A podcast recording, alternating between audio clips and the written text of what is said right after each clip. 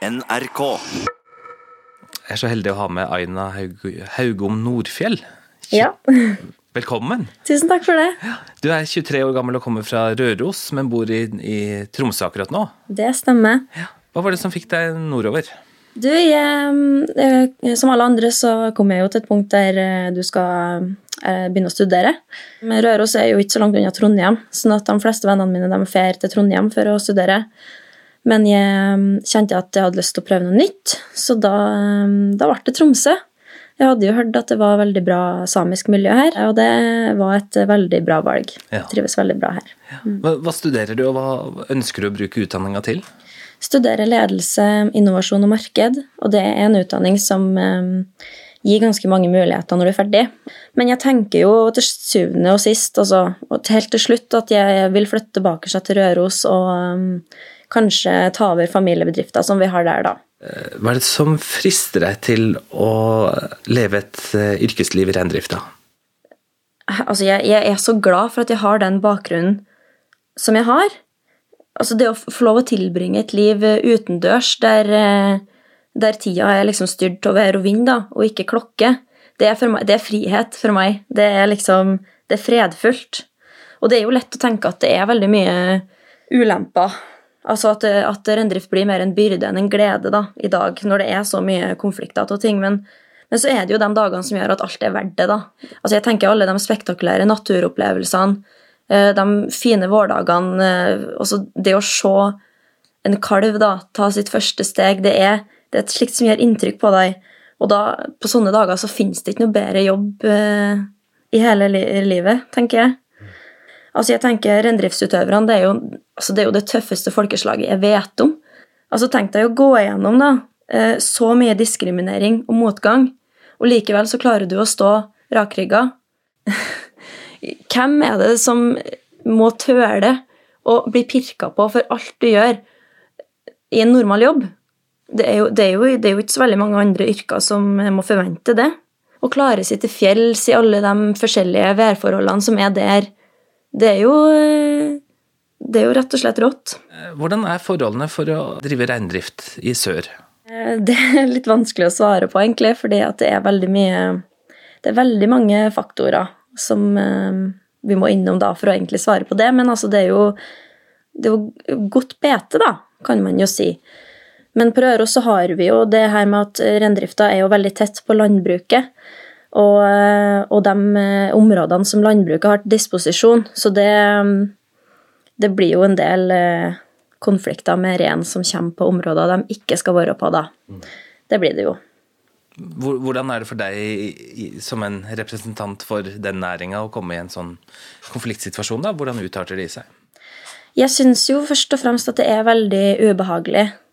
Jeg har ikke vært så innblanda i de konfliktene, egentlig, fordi jeg har jo vært litt skjerma i og med at uh, jeg har jo vært ganske ung, da.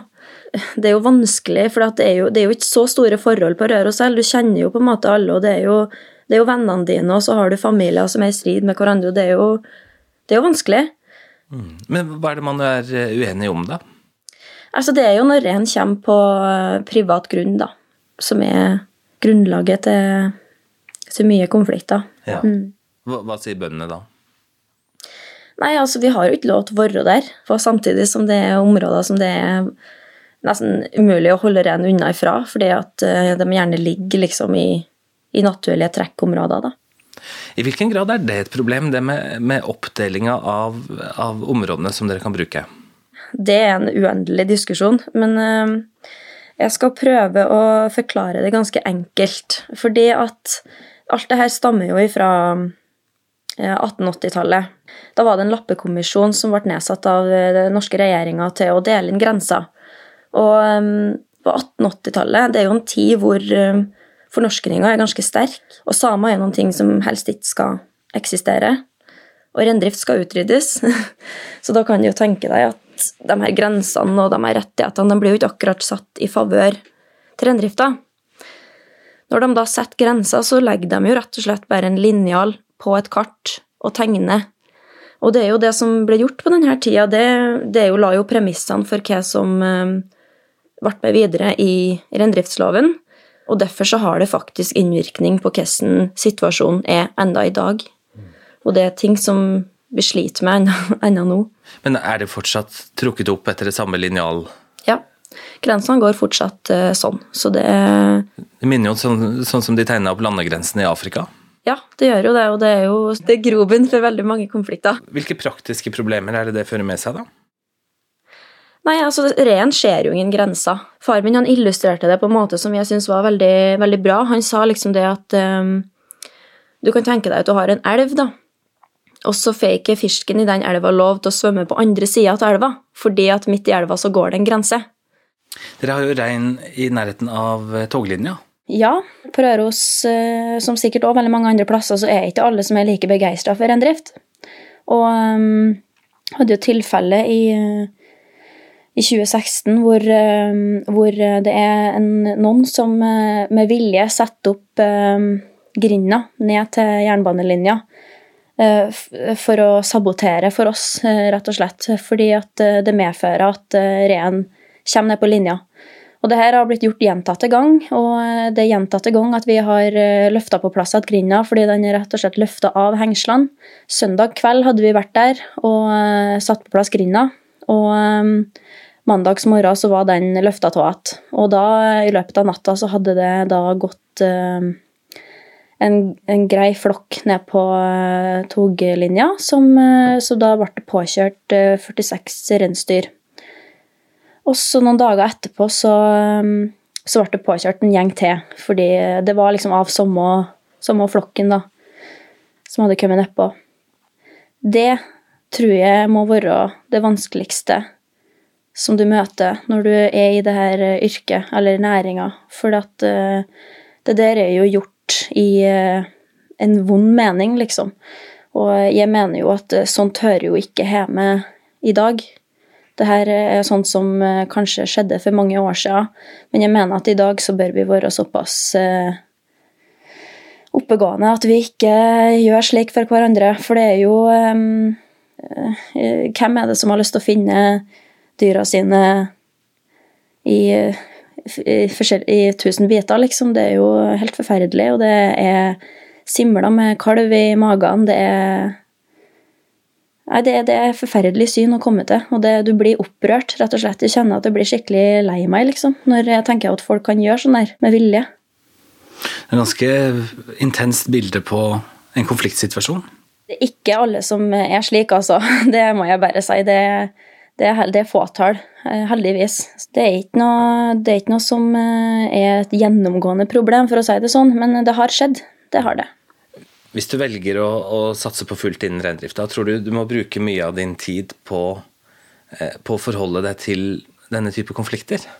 Ja, men så er det jo det her med at du må jo prøve å distansere deg sjøl litt, og du kan jo ikke alltid leve med en konstant uh, å følge med på hva som skjer, og altså, sånt blir en deprimert da. Jeg kjenner sjøl at uh, Jeg har tenkt mye på det her i siste, og jeg kjenner at jeg blir skikkelig, skikkelig deprimert, rett og slett. Det er, det, det er vanskelig, det er tungt å tenke på. Du kan ikke alltid holde på å dyrke det som er negativt. Du må klare å distansere deg litt òg for å kunne leve livet, rett og slett. Så ja, det vil jo kreve at du Du må jo følge med på sånt, og du må sette deg inn i saker, du må Men samtidig kanskje ikke hele tida. Det er viktig at vi er flere, sånn at vi kan støtte opp hverandre, i hvert fall. Nå er det en annen eh, problemstilling som dere har måttet forholde dere til. Trøndelag er et fylke hvor det skal bygges ut vindkraftsanlegg for 11 milliarder kroner eh, totalt sett. Eh, annet i et område som, eh, som dere bruker, Stokkfjellet. Ja, altså det her med vindmølleutbygging, det er jo bare ett av veldig mange inngrep som gjør at vi mister områder. Altså, vi mister det til fordel for hyttebebyggelse, turisme, veibygging, og nå er jo vindkraft da et, eh, eh, et Altså en kategori som, eh, som er på banen. Og når vi hele tida mister områder, så, så gjør jo det noen ting med, med hvor, hva skal arenaen gjøre, gjøre av seg igjen. Altså Hvis du mister én område, så må han jo få opp et nytt område. da. Altså Noen plass må han jo være. Og Det blir jo litt det samme som at hvis du på en måte hva skal si, Hvis du detonerer en bombe inne på et rom, så vil jo det rommet forå ut til alle kanter. akkurat sånn er det med, med ren òg. Hvis du setter en vindmøllekraft midt i betesområdet, så vil ren fare ut alle kanter. Når du skal bygge en vindmøllekraft, så er det så mye mer som følger med. Du må bygge veier, og når du skal bygge veier eh, sånn opp, langt opp til fjell, så må du sprenge. Vindmøllene er jo, er jo store, de er jo eh, over 100 meter.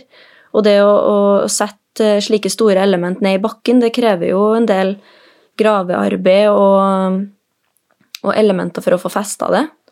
Det krever oppfølging, vedlikehold, og det vil på en måte bli et område ved veldig mye aktivitet. da. Samtidig som jeg har jo òg tenkt litt på hva det vil gjøre med, med naturen. Eh, I, min, I, mitt hode så, så, vil det jo bli påført uh, skader som uh, jeg mener kanskje, vil være, kanskje kan være permanent. Vil det på sikt bety at dere må ehm, begrense størrelsen på flokken deres? Ja, når du hele tida mister områder, så da må du jo følge opp da, med å redusere antall rein, at, sånn at det skal være bærekraftig. Og hvis at du skal holde på med det hele tida, så, så, er jo den verste konsekvensen at noen blir pressa ut. da. At det noen som blir nødt til å slutte med det fordi at det ikke går an å leve av det noe lenger, liksom. Så det er jo en reell eh, det er en reell konsekvens. Dette er jo en prosess som har pågått over noen år. Hvordan, eh, hvordan, oppfatter du at den har vært? Eh, jeg føler at reindrifta blir jo aldri helt likestilt med, med interessene til skulle si, storsamfunnet, da. Jeg vet ikke om det blir helt riktig ord å bruke, men, men jeg føler i hvert fall ikke det. fordi, og jeg tror hovedgrunnen til det er at um, vi er jo få. Eh, det er jo ikke mange som driver med reindrift, og det er en relativt liten næring sammenligna med, med, resten av det som finnes i Norge. Og Derfor så tror jeg på en måte at det er, blir ikke like viktig da, hva som angår oss. Det blir ikke like viktig kontra det som angår alle andre. Altså, Jeg er ikke sjokkert over at vi eh, ikke vinner fram. Eh, det, det, no, det, det bruker som regel å bli slik. Men samtidig så er det jo en balansering som staten må gjøre. da. Altså det uh, Trøndelag er jo et fylke hvor, uh, hvor, det har vært underskudd av energi, hvor, hvor kraftprisene har vært høye, og hvor man ønsker å bøte på det ved å bygge Nord-Europas største vindkraftsanlegg totalt sett. da, Bl.a. i, i Fosen-området, hvor, hvor, det har vært sterke konflikter med, med de som har rein på, på Storheia. Hva tenker du om liksom, det, det store bildet her? Altså, Jeg syns jo at fokuset på uh, grønn energi og grønt skifte det er jo supert. Jeg er jo ikke imot det, sjøl om jeg er imot vindmøller. Problemet er bare at uh, jeg syns ikke at uh, Altså, jeg mener at det må jo kunne gå an å finne tiltak som kan fokusere på å sette opp det andre plasser enn midt i et beteområde for reindrifta. Fordi at reindrift er jo allerede fra før et ekstremt bærekraftig og miljøvennlig næring. Og når det grønne skiftet da skal kreve at du presser ut slike næringer som etter min mening det grønne skiftet er ment for å liksom eh, støtte opp om, da må jeg jo på en måte spørre meg sjøl litt hva grønt det her skiftet egentlig er. Altså Hvis du ser eh, noen tiår framover, da, er du optimistisk for framtida til reindrifta i, i Rørosområdet? Ikke hvis at det skal fortsette på den måten her. Det er jeg ikke. Jeg synes at vi fortjener å bli likestilt. Eh, som alle andre næringer. Sjøl om det kanskje ikke gjelder like mange folk, så, så fortjener vi absolutt det. Og for at det skal skje, så må vi jo ha politikere som forstår problemene, og som er villige til å prøve å sette seg inn i det. Um, og hva jeg tenker om det, det vet jeg ikke. Jeg har jo veldig lyst til å drive med rendrift, eller ha muligheten til å drive med rendrift i framtida i hvert fall, så jeg vet ikke helt hva en skal, hva en skal gjøre. En annen viktig problemstilling eh, er jo dette med språk. Samisk, de samiske språkene er jo, er jo trua, og sørsamisk spesielt. Det er jo under 1000 mennesker som snakker det, har jeg forstått. Å stå på Unescos eh, liste over, eh, over spesielt trua språk. Snakker du sørsamisk? Ja, jeg har jo hatt samiskopplæring siden barnehagen. Så jeg vil jo si at det har jo virkelig vært eh, en stor eh, hjelp for meg, det å ha muligheten til å kunne lære meg det fra veldig ung alder, da.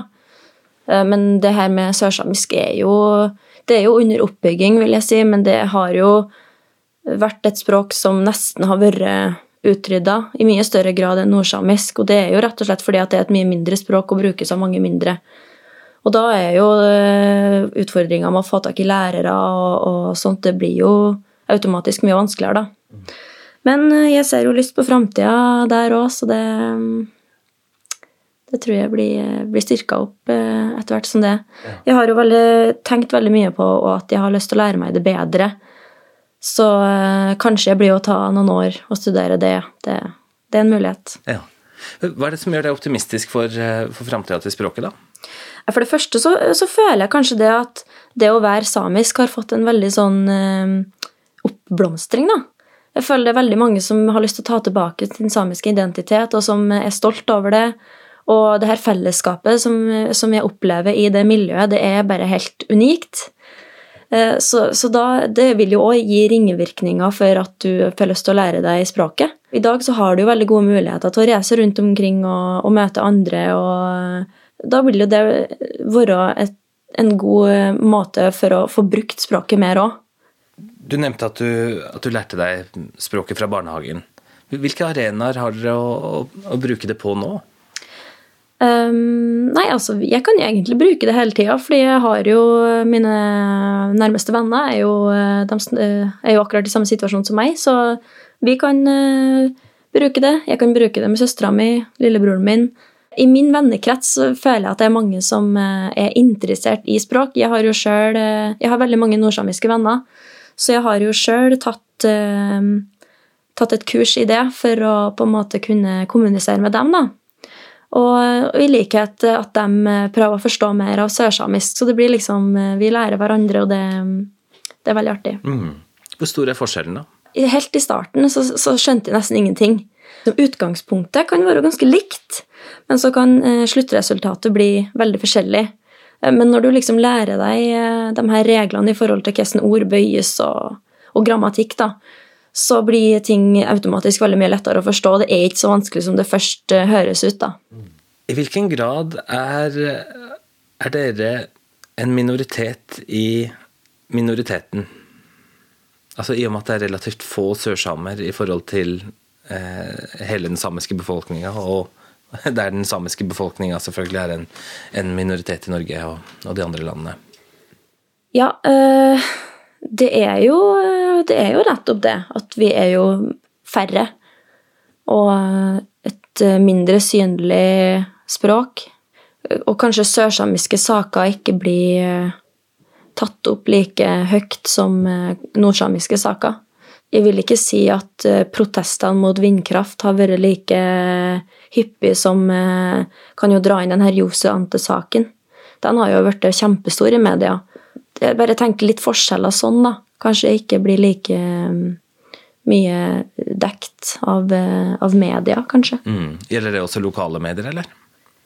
Nei, herregud, lokale medier, dem eh, Altså, det er jo klikksaker for dem, det, hvis det kommer en ren inn på et ulovlig gjerde, liksom. Det elsker jo lokalbefolkninga å lese om, så det Lokale medier, dem er på. Har du pratet med dine slektninger om altså, hva er det som gjør at dere har klart å beholde deres samiske identitet, når det har vært så mye press fra så mange kanter over så lang tid? Ja, det er hvem som har gjort det. det altså, bestemora mi hun er jo oppvokst i et eh, helt, fullt og helt samisk eh, hjem. Alle visste at de var eh, samisk, så det var ingenting de på en måte ville legge skjul på, samtidig som de prøvde jo å De prøvde jo på en måte å, å ikke være det. De prata norsk til ungene sine, f.eks., så bestemora mi kan ikke samisk. Hun fikk aldri muligheten til å lære seg det. Gapta, altså kofte, det har ikke hun hatt før uh, mor mi gifta seg. Jeg tror fremdeles ikke hun føler seg helt komfortabel i det. Hun gikk jo gjennom en eh, heftig periode med, med mobbing og, eh, og liksom bli frastøtt fra, fra samfunnet, da. Hun har anerkjent det, men jeg tror ikke det er noe hun har vært stolt over. Men likevel så har hun gitt det videre til sine unger. Det har hun gjort. Er, er foreldra dine stolte? Ja. Absolutt. Og du er i hvert fall det?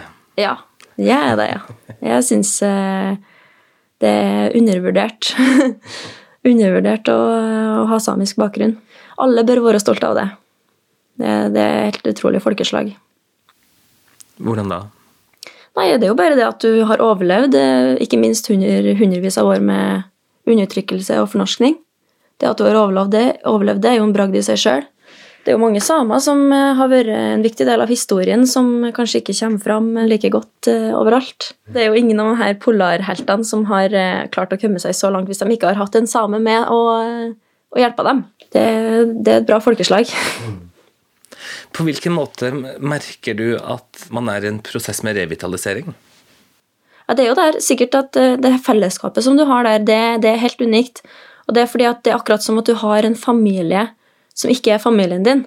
Og det var litt det jeg kjente når jeg kom hit, for jeg, jeg kjente ingen når jeg flytta til Tromsø.